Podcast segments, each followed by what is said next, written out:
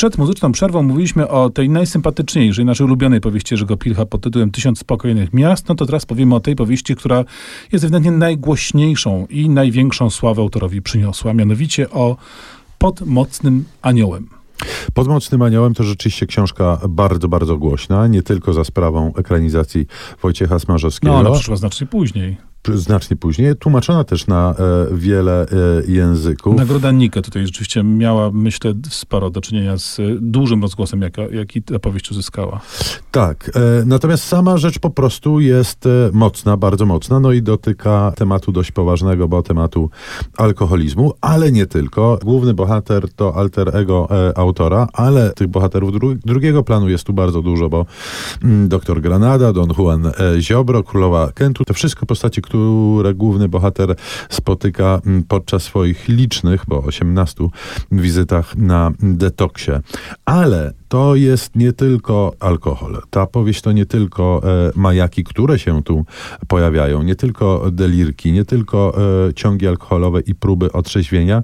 To również opowieść o dwóch rzeczach, które dla Pilcha ponad wszelką wątpliwość są chyba najważniejsze. A więc e, literatura, bo Juruś niezależnie od tego, w jakim jest stanie, e, czytuje literaturę wielką, od czarodziejskiej góry Tomasza Mana po traktaty filozoficzne Leibnica. No a drugą z tych rzeczy jest oczywiście miłość. Miłość rozumiana jako zbliżenie, czasami e, nie do końca e, realistyczne i nie do końca autentyczne do kobiety.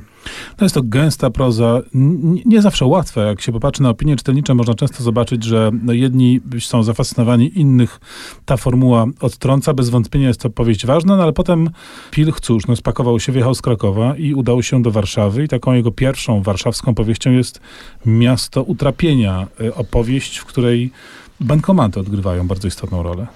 Tak, gdyż główny bohater tej książki, e, nomen omen, rok 76 Tomku. O, to tak mm, rzeczywiście jest. Główny Kolega. bohater Patryk Wojewoda potrafi odgadywać piny, wsłuchując się w e, te jingle, które się dobywają z bankomatu, podczas gdy wstukujemy tam swoje tajemnicze e, cyferki. Powieść, która mm, jest też bardzo znana przede wszystkim ze względu na bardzo mocne otwarcie, które dla nas urodzonych w roku 76 jest istotne. Urodziłem się w roku 1976, dwa lata po największym w dziejach triumfie polskiego futbolu i dwa lata przed wyborem polskiego papieża. Przez całe dzieciństwo, a może i później, byłem absolutnie pewien, że Polska jest odwieczną piłką piłkarską potęgą oraz że papież zawsze jest Polakiem. Z tym drugim to się zgadzam, a z tym pierwszym to nie miałem takiego wrażenia, prawdę powiedziawszy, w dzieciństwie, ani nigdy później. Tak, ta książka, e, pierwsza warszawska książka Jerzego e, Pilcha jest powieścią e, pilchowską w dalszym ciągu, ale myślę sobie, że warto sięgnąć też po dzienniki Jerzego Pilcha, bo one są dość specyficzne, to znaczy one udowadniają, że bez miłości do tych dwóch rzeczy najważniejszych, czyli do wódki i do kobiet, Jerzy Pilch też ma bardzo dużo do powiedzenia o świecie. Bardzo wielu polskich pisarzy, tych najważniejszych, rzeczywiście w sztuce trudnej, diarystycznej odnosili wielkie sukcesy. Mamy dziennik dziennik Gombrowicza, mamy dzienniki Dąbrowskiej, mamy szkice piórkiem Bobkowskiego i rzeczywiście chyba bez, e, no teraz już możemy to powiedzieć z pewną pewnością, e, dzienniki Pilcha można też bez trudu e, postawić obok tych najznakomitszych dzienników polskiej literatury.